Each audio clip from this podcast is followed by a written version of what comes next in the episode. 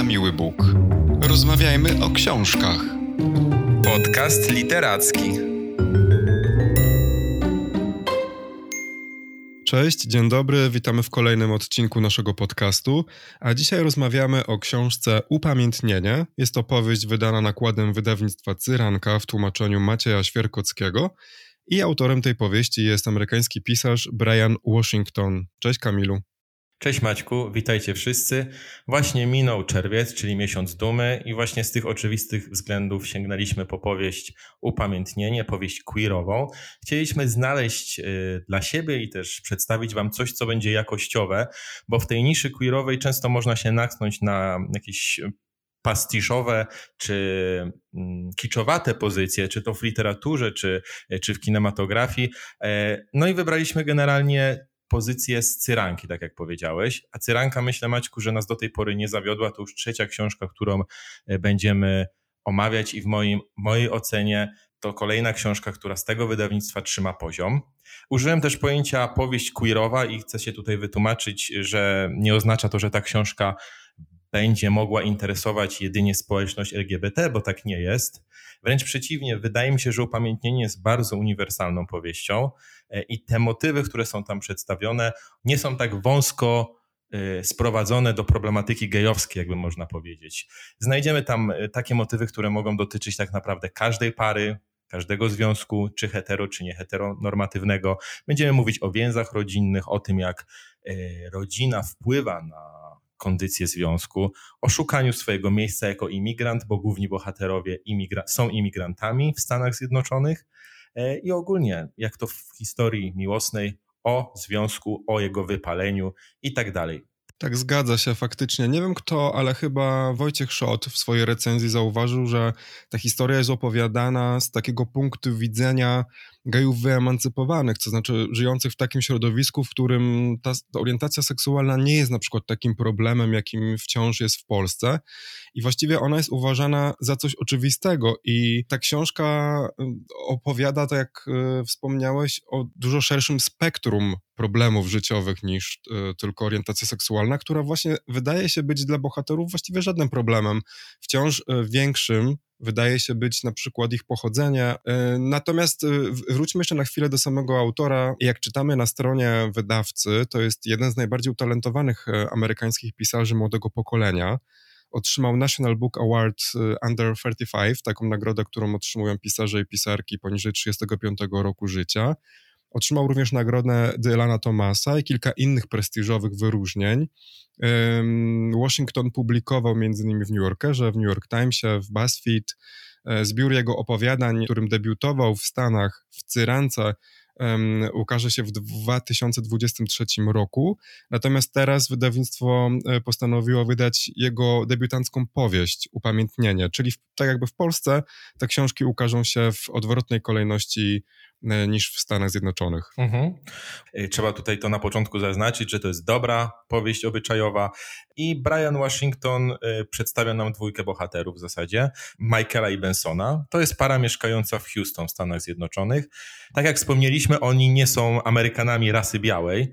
Michael jest Japończykiem i pracuje w restauracji, Benson jest Afroamerykaninem i opiekuje się dziećmi w przedszkolu. Ja mówię o tych detalach dlatego, że one są o tyle ważne, że determinują takie społeczno-ekonomiczne położenie bohaterów i dla ich sytuacji będzie to kluczowe, będzie trochę generowało e, pewne ograniczenia, które będą wpływać na rozwój fabuły. A sytuacja ta romantyczna, ta związkowa też nie jest kolorowa w przypadku e, Michaela i Bensona, ale to myślę, że jest charakterystyczne dla dobrych powieści, że one nie obrazują par w ich romantycznym rozkwicie, ale pokazują gdzieś jakieś problemy i, i zagwozdki właśnie tej natury związkowej. I tak jest w tym przypadku. Jest tutaj wiele niedopowiedzeń, wiele wątpliwości co do wspólnej przyszłości bohaterów, ale też myślę, że taka nadzieja na przetrwanie tego związku gdzieś się jednak tli i towarzyszy e, czytelnikowi do końca książki. Przynajmniej mnie towarzyszyła i do końca nie wiedziałem, jak te losy e, ostatecznie się zakończą. I w ten fabularny letarg głównych bohaterów autor wrzuca dwa takie wydarzenia, które są pewnego rodzaju stymulantami, które prowadzą bohaterów do, do zmian, do jakich, podjęcia jakichś w końcu ważnych decyzji, które wyklarują jakiś nowy punkt widzenia, jakiś nowy sens w ich funkcjonowaniu. Po pierwsze, w mieszkaniu Michaela i Bensona czasowo zamieszkuje matka Michaela, Japonka. W tym samym czasie jego ojciec, który żyje na stałe w Osace, wchodzi w taki ostatni etap choroby e, i Michael przeprowadza się do niego, aby towarzyszyć mu w ostatnich chwilach. Zostawia tym samym jakby swojego partnera ze swoją matką, czyli jakby jego nieformalną teściową. Jakby ta nowa rzeczywistość ona niesie ze sobą e, dużo takich dramatycznych e, momentów, dramatycznych przemyśleń na temat w ogóle sensu kontynuowania tego związku między bohaterami, ale nie brakuje w niej też sporo komedii, bo upamiętnienie jest momentami po prostu zabawną opowieścią o codzienności. Sam Brian Washington określa upamiętnienie jako gejowski dramat dla luzaków, historię miłosną pisaną małą literą i traumedię. Ja tak się średnio z tym zgadzam po lekturze. Nie wiem, czy to taki znowu dramat dla luzaków. Tam jest sporo y, raczej gorzkich i takich dusznych przemyśleń na temat y, sensu tworzenia związków albo wiary w długoletnie funkcjonowanie, ale o tym myślę, że zaraz kilka słów powiemy.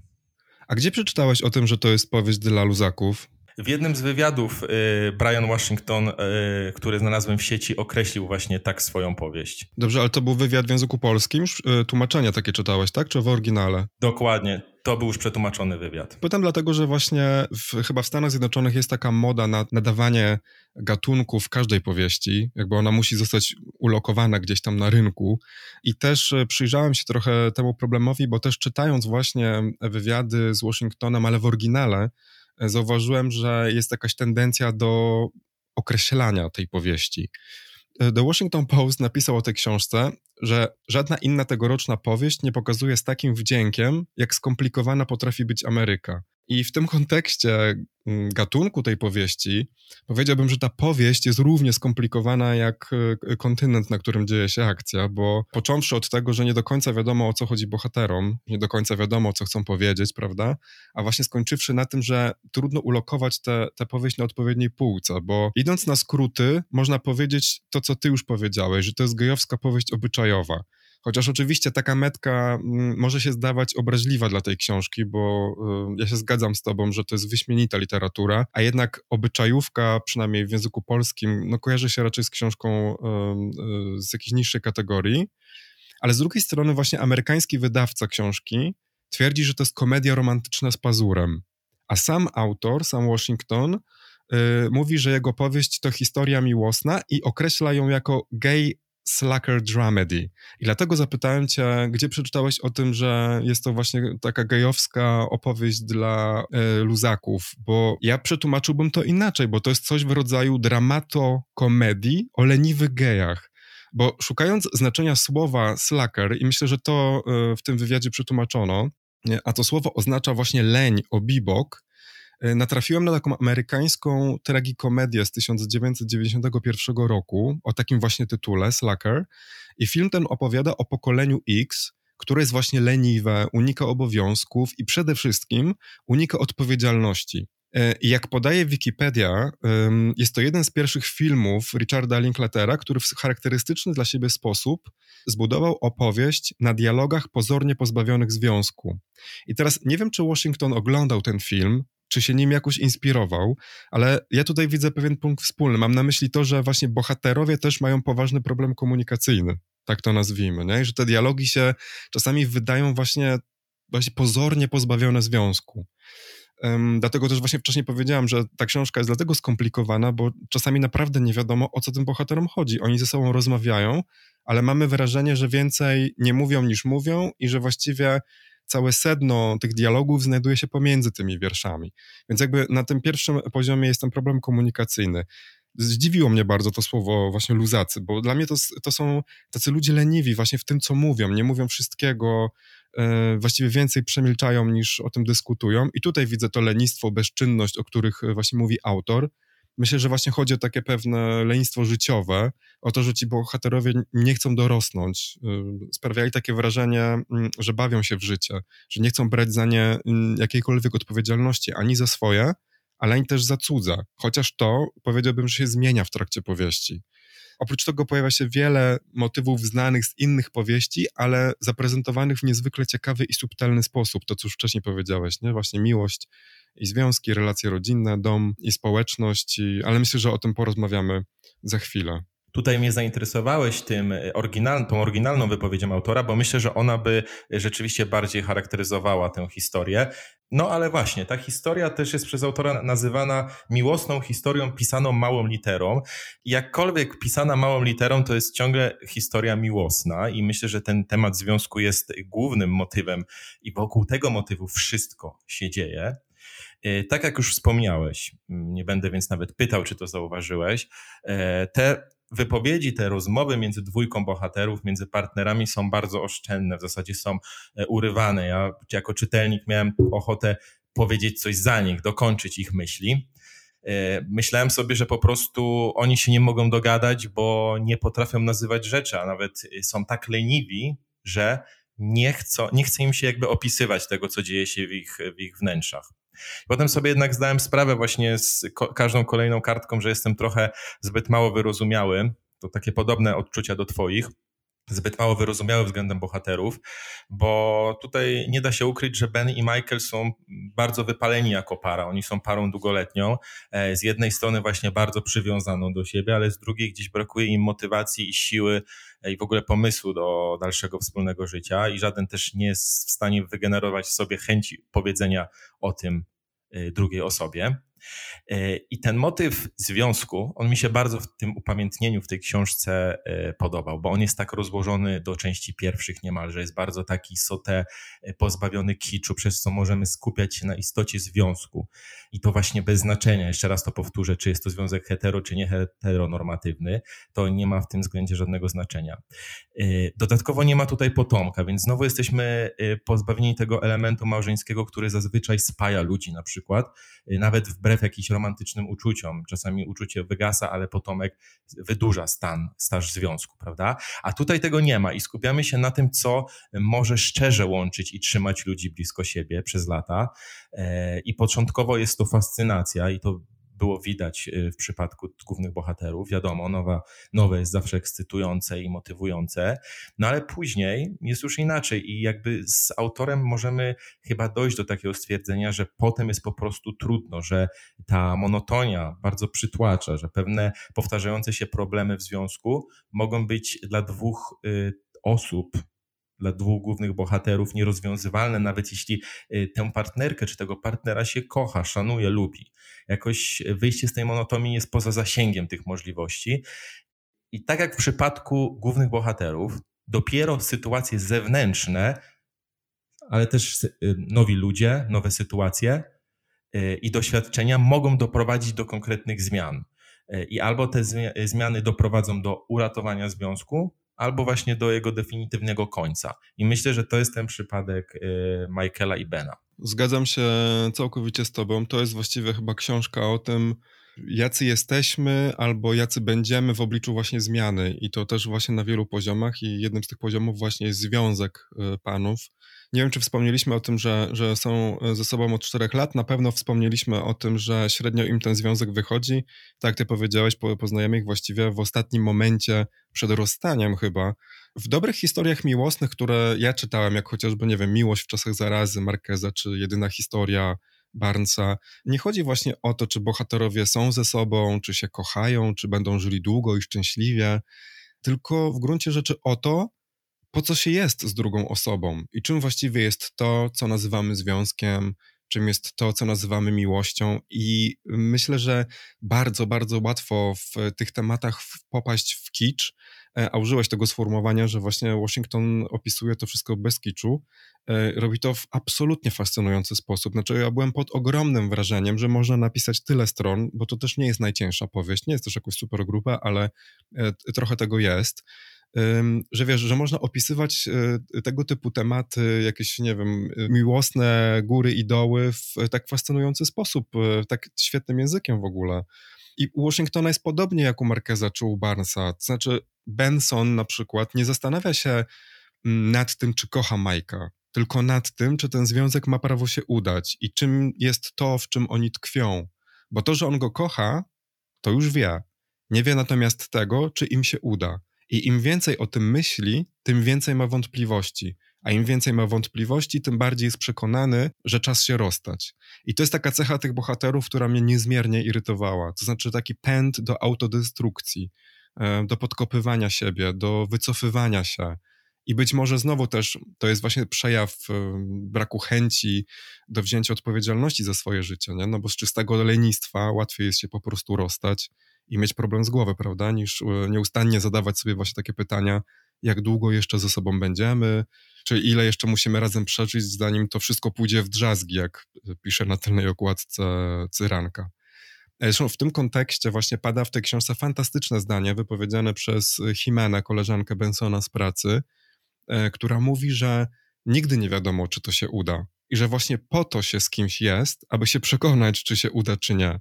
I też sam autor mówi o tym, że wyzwaniem dla niego nie była odpowiedź na pytanie, czy bohaterowie się kochają. Pytaniem i wyzwaniem było to, co się stanie, gdy dwie osoby, które ewidentnie czują do siebie miłość, nie znajdują języka dla tej miłości. I to jest e, bardzo ciekawe. Co się stanie, jeżeli osoby, które się kochają, nie potrafią mówić e, o swojej miłości, nie potrafią wyrażać e, swoich uczuć? Mnie na przykład bardzo uderzyło to, że Benson wyliczał, ile razy w jego związku padły słowa kocham cię że było tych razów tak mało w ciągu czterech lat, że potrafił je wszystkie spamiętać, wymienić i wiesz, zliczyć na palcach dwóch rąk. I zresztą tam pada takie zdanie, i, i że, że potrafię to zliczyć na palcach dwóch rąk i nawet nie wykorzystam do tego wszystkich palców.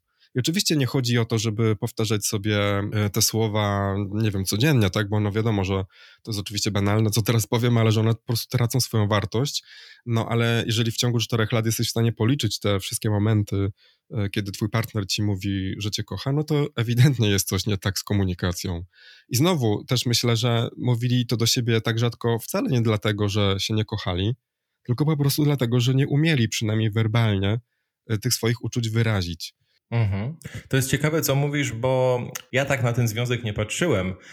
Myślę, że jakby kwestia problemów komunikacji jest kwestią rozwojową w tym przypadku. Tak to przynajmniej postrzegam, że e, ten problem pogłębia się z, e, z biegiem lat że jakby na początku znajomości fascynacja i też zainteresowanie drugą stroną było na tyle duże, że ta komunikacja e, funkcjonowała. E, później jakby w, w przypadku odkrywania kolejnych problemów ona gasła i jakby sama chęć rozwiązywania problemów też, e, też była coraz mniejsza. W związku z tym jestem jakby zdania, że być może ta, ta powieść jest trochę taką gorzką analizą sensu samego związku jako, jako właśnie długoletniej relacji dwójki ludzi.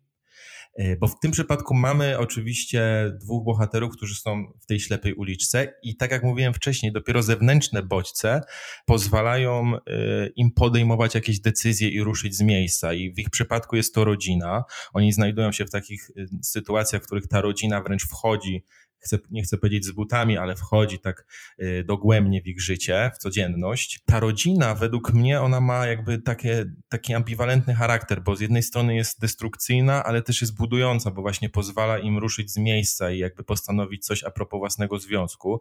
Jest też bez wątpienia takim punktem y, odniesienia, od którego oboje nie mogą się uwolnić. Ta rodzina jest cały czas w ich pamięci, w ich wspomnieniach, ona generuje ich postępowanie w dniu dzisiejszym. E, I nawet pomimo tego, że jest to źródło pewnych frustracji i upokorzeń, bo musimy powiedzieć, że ojciec Bena jest przecież alkoholikiem, e, a ojciec Michaela jest homofobem, e, czego daje nawet wyraz w ostatnich tygodniach swojego życia, kiedy syn przyjeżdża do niego z pomocą. Nie jest trudno domyślić się, dlaczego rodziny, w jakich dorastali bohaterowie, są raczej źródłem destrukcji. Wiadomo, homofobia z domu obniża, może obniżyć poczucie własnej wartości w bohaterach w życiu dorosłym. Z kolei nieudane związku, związki ich rodziców y, zabierają w ogóle wiarę w trwałość i sens relacji i tak dalej, i tak dalej. Ale mimo wszystko uważam, że ten zewnętrzny bodziec, jakim jest rodzina pojawiająca się w życiu bohaterów, ma też ten charakter budujący. E, ona determinuje y, podejmowanie decyzji i jakby aktualizuje te cele w bohaterach. Oni jakby na nowo widzą mm, i określają swoje ambicje. Tak na przykład jest w przypadku Michaela, który wyjeżdża do Osaki i w trakcie opieki nad ojcem zaczyna jakby tworzyć zupełnie alternatywne życie dla siebie. Z nowymi ludźmi, z nowymi miejscami, z nowym pomysłem na siebie, mimo że jakby przez lata nie widział tego ojca, wręcz ten ojciec był dla niego źródłem jakichś upokorzeń i nie, nie raz dostał do nie, od niego po prostu e, no, kopniaka, mówiąc kolokwialnie. Więc jakby ta rodzina, która jest źródłem frustracji, jest też w życiu bohaterów, w ich codzienności, jakby nowym określeniem planów na przyszłość jakby określeniem, zdefiniowaniem planów na przyszłość tego związku. Znaczy tutaj mnie uderzyło trochę w tej książce to, że relacje z rodzicami są w jakimś sensie zdefiniowane przez homoseksualizm dzieci. Myślę, że w opowieściach gejowskich no, to jest częste, ale tutaj chyba było to wręcz doprowadzone na jakiś skraj, na przykład Benson jest HIV pozytywny i, i jego rodzice zdają się postrzegać cały homoseksualizm przez pryzmat tej choroby. Z kolei na przykład Micko, matka Majka wie o homoseksualizmie syna, ale zdaje się go nie zauważać. Tam jest takie zdanie, że Mike mówi, że nie chodziło o to, że mama nie wiedziała, że jestem gejem. Wiedziała. Nie rozmawialiśmy jednak na ten temat, a w każdym razie nie używaliśmy konkretnych słów, które miałyby namacalny wymiar. Po prostu, kiedy między mną i matką dochodziło do jakiejś interakcji, atmosfera się zmieniała, zaczynała przypominać dziurę w jezdni. Nie musieliśmy zwracać na to uwagi za każdym razem przez cały czas, bo to było kurde oczywiste. Ale chciałbym się w głównej mierze odnieść do tego, co powiedziałaś o tym, że ta podróż Majka do Japonii, ale też przyjazd Micko do, do Houston stworzyły dla tych bohaterów zupełnie różne sytuacje i to takie właśnie sytuacje związane z domem bo dom to jest taki wątek, e, który w tej książce wybrzmiał chyba dla mnie najbardziej, jeszcze bardziej tak naprawdę niż e, orientacja seksualna na przykład. Bo nie powiedzieliśmy chyba jeszcze o tym, że chłopaki mieszkają w Third Ward, to jest taka dzielnica Houston, jedna z historycznie najstarszych czarnych dzielnic y, Stanów Zjednoczonych, a w czasie, w którym toczy się ta powieść, dzielnicę zamieszkują również y, ubodzy imigranci z krajów latynoskich i azjatyckich. I szczególnie ciekawe wydały mi się właśnie rozważania y, Washingtona nad tym, czym jest dom i gdzie jest nasze miejsce i kim jest dla nas ta społeczność, w której przyszło nam żyć. Bo tutaj mamy kilka odsłon tego problemu, moim zdaniem. Bo Mike jest Japończykiem, który świetnie odnalazł się w czarnej dzielnicy amerykańskiego miasta i tam jest jego dom. I tam są ludzie, których rozumie i którzy rozumieją jego, mimo że wcale nie są Japończykami. Amerykanami zresztą też przecież nie bardzo, nie? I warto zwrócić uwagę na to, jak y, na przykład y, autor opisał sąsiadów, y, że to są ludzie bardzo życzliwi, którzy nie stanowią zagrożenia mimo wszystkich stereotypów, prawda, które narastają wokół tego typu dzielnic. Nie wiem, czy pamiętasz taką scenę już pod koniec książki, kiedy oni wracają do domu i stoi tam jakaś grupka takich wyrostków i Majka uderza deskorolka e, jednego z nich i nagle powstaje, nie wiem czy ja to dobrze czytałem, ale wydawało mi się przez chwilę, że powstała taka sytuacja zagrożenia, że tam się za chwilę coś niedobrego wydarzy. Tymczasem po tym, jak mm, ta grupka identyfikuje właśnie Mike'a i Bensona jako swoich sąsiadów, nagle są uśmiechy, wszystko jest ok, mimo że wszyscy pochodzą z różnych części świata tak naprawdę, dzieli ich wszystko, kultura, e, pochodzenie, rasa często, e, to, to mimo wszystko stanowią pewną jedność. I z takiego środowiska nagle właśnie Mike trafia do Japonii, z której pochodzi i konfrontuje się z tym miejscem, z barem, który prowadzi jego ojciec, prawda? Z ludźmi, którzy są jego rodakami, którzy do tego baru przychodzą. I to jest w tej książce świetne. To, że właśnie Washington burzy bohaterowi takie poczucie właśnie bezpieczeństwa, przynależności i każe mu się zastanowić, gdzie jest jego dom i do którego miejsca przynależy. A z drugiej strony mamy Bensona, to jest czarnoskóry chłopak, który pochodzi z klasy średniej, który akurat w domu nie zaznał domowego ciepła. E, I nagle do domu, w którym mieszka, wprowadza się matka jego partnera. To jest w ogóle jakiś diaboliczny pomysł e, Washingtona, znaczy sprowadzić matkę partnera w sytuacji, w której e, ty z tym partnerem właściwie jesteś już na skraju i za chwilę się macie rozstać, no to przecież e, taka rola gospodarza, konieczność ugoszczenia matki twojego partnera, z którym już nie chcesz być, no to jest coś okrutnego, no, czy to jest absolutnie irytujące obciążenie. No ale ta matka przyjeżdża i co robi? Od pierwszej chwili gotuje. Nie wiem, czy zwróciłeś na to uwagę. Zresztą Washington bardzo skrupulatnie opisuje y, przyrządzanie tych posiłków wszystkich. Nie tylko dlatego, że akurat Mike jest kucharzem, ale słuchałem na przykład wywiadu z autorem i on mówił, że, że gotowanie posiłku dla kogoś to jest stwarzanie mu komfortu i też okazywanie miłości.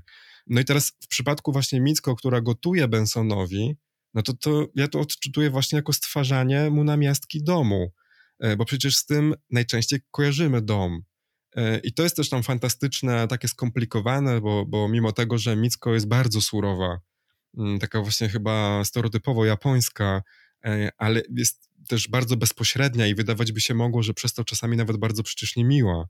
To jednak to ona jest właśnie tą osobą przecież, dzięki której Benson zaczyna rozumieć, czym jest dom. E, I też wydaje się, że mięknie pod jej wpływem. Nagle zaczyna e, się też przecież zwracać do własnej rodziny, prawda? Która na początku wydaje się jakaś taka bardzo nieobecna, zamknięta gdzieś na jakimś innym biegunie, a później im bliżej jesteśmy końca książki, tym tej rodziny Bensona jest więcej. Te wątki szczególnie mnie dotknęły, bo ja też jestem wieloletnim emigrantem i mieszkałem w kilku krajach i mimo, że teraz wydaje mi się, że znalazłem swoje miejsce e, na ziemi, to nigdy nie opuściło mnie pytanie, gdzie tak naprawdę jest mój dom. I do dzisiaj tego nie wiem. I trudno jest mi odpowiedzieć na to pytanie, bo czy dom jest tam, gdzie się urodziłeś, gdzie ludzie mówią, nie wiem, twoim językiem, gdzie wszyscy wiedzą, kim jest miś uszatek na przykład, e, czy może tam, gdzie masz swoje cztery ściany i gdzie mieszkasz, nie? A może dom na przykład jest tam, gdzie odnajdujesz właśnie społeczność, która cię akceptuje.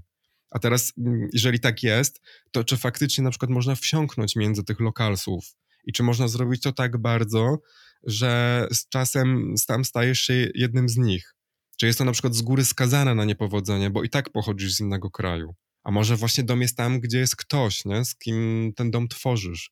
tak w przypadku Bensona i Micko, to co się stało, że w miejscu, w którym mieszkasz, pojawia się ktoś, kto tworzy ci dom, bo daje ci właśnie ciepło, takiego domowego ogniska, stwarza ci komfort, chociażby nawet miało być to gotowanie. I takich pytań y, jest bardzo, bardzo dużo i ja na przykład do dzisiaj nie wiem tak naprawdę, czy ludzie, pośród których żyję, faktycznie na przykład mnie akceptują jako jednego ze swoich i czy tak naprawdę ja akceptuję tych ludzi jako, jako swoich, czy na przykład moje miejsce jednak jest właśnie w tym kraju, w tym miejscu, z którego pochodzę i gdzie mamy taką jedność kulturową i rozumiemy się tak naprawdę co do jednego słowa, chociaż też z tym rozumieniem werbalnym różnie bywa. Dlatego no, te wątki mnie strasznie jakoś ujęły i najbardziej u mnie rezonowały. I bardzo mi się podobało to, że Washington testował tych bohaterów, sprawiał, co się z nimi stanie, kiedy nagle to wszystko, co cię otacza, zmieni się właściwie o 180 stopni. No, to było genialne e, do obserwowania. Teraz jak o tym opowiadasz, to rzeczywiście zwracam uwagę, że ten wątek był e, przynależności, był bardzo mocno zarysowany, a, a gdzieś u mnie odszedł e, na kolejne plany. Myślę, że będzie to taki motyw, o którym będę mógł jeszcze e, myśleć sobie przez następne dni, ale do tych pytań, które zadajesz, zadam jeszcze jedno pytanie, może po prostu bezpośrednio tobie. Co Brian Washington upamiętnia tak naprawdę, odwołując się do, do samego tytułu książki według ciebie? Ja długo myślałem nad tym tytułem, bo angielski tytuł to Memorial, i w jednej z ostatnich scen bohaterowie zatrzymują się na ulicy Memorial Drive, aby rozsypać prochy ojca Majka. I to jest chyba taka najbardziej dosłowna interpretacja. I nawet powiem Ci, że chciałem sprawdzić, gdzie to jest na mapie, i wszedłem na Google Maps, i okazało się, że w Houston jest też cała dzielnica, która się nazywa Memorial. Jest też Memorial Park, Memorial Hospital i tak dalej. Nie wiem, czy to jest jakaś amerykańska rzecz z tym memorialem, e, czy lubią sobie upamiętniać tak dużo rzeczy, czy może jest tu jakaś lokalna gra na przykład językowa, bo przecież Washington też pochodzi z Houston ale jak myślałem o tym upamiętnianiu, to, to ja myślałem w taki sposób bardziej literacki, to znaczy, bo na przykład samo oddanie głosu bohaterom, prowadzenie narracji właśnie w pierwszej osobie, takie właśnie danie im możliwości, aby, o, aby snuli opowieść, już jest jakąś formą upamiętniania, nie? że jakby pisanie, opowiadania jako próba zapamiętania, ocalenia czegoś y, przed zapomnieniem. Yy, przypomina mi się początek genialnej przyjaciółki Eleny Ferrante, pierwszego tomu, tetralogii neapolitańskiej, właśnie gdy Elena, główna bohaterka, dowiaduje się, że jej przyjaciółka z dzieciństwa zniknęła e, i podejrzewa, że zrobiła to właśnie po to, aby zatrzeć ślady swojego istnienia. I co robi Elena? Przede wszystkim ogarnia ją wściekłość, czuje gniew i siada do maszyny do pisania, aby spisać ich historię właśnie po to, aby ją upamiętnić, aby zrobić swojej e, przyjaciółce na złość. To znaczy, aby ona nie osiągnęła właśnie tego swojego celu, tak? Czyli żeby ta historia ta pamięć się nie zatarła.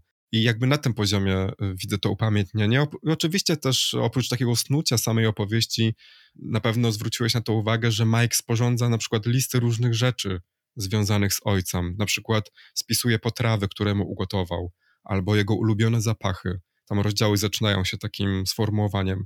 E, lista rzeczy, które nie mieściły się mojemu ojcu w głowie, mimo tego, że był w tam ostatnim stadium, terminalnym stadium swojej choroby, albo właśnie lista potraw, które gotowałem mojemu ojcu w trakcie, gdy się nim opiekowałem. No i myślę, że właśnie robi to po to, bo wie, że w przeciwnym razie te szczegóły zostaną zapomniane, więc spisywanie, opowiadanie po to, aby faktycznie y, coś zostało, nie? żeby się nie zatarło. Jasne, to jest jedna, jedna z interpretacji i opowieść o tych wszystkich, których kochamy, którzy są częścią naszego życia, których też nienawidzimy, ale myślę sobie też, że mm, w kontekście zakończenia tej książki być może upamiętnienie jest pewnego rodzaju zapisem obecności i trwania tego związku, który tak naprawdę nie wiemy, czy z końcem książki się skończył, czy trwa nadal. Więc być może jest to pewnego rodzaju dziennik tego związku, który wtedy jeszcze trwał, a po zakończeniu tej historii y, tak naprawdę nie wiemy, co się z nim stało, bo to zakończenie, jak sami przeczytacie, nie jest y, jasne. Zgadza się. Jak dobrnęliśmy do końca książki i do zakończenia, to wydaje mi się, że e, nie ma co więcej opowiadać i chyba zakończymy też nasz odcinek. Ja zdecydowanie polecam tę książkę. Tak jak powiedziałeś, Cyranka nie pudłuje i tym razem też jest to świetna powieść. Przede wszystkim jest niebanalna. Jedna rzecz, która tylko mnie niesamowicie irytowała, to był ten sposób zapisu dialogów. Strasznie mi się to myliło i zawsze zastanawiam się, jeżeli właśnie twórcy i twórczynie decydują się na taki krok, to czy robią to mm, w jakimś konkretnym celu, takim innym niż, nie wiem, jakiś dekoracyjno-formalny.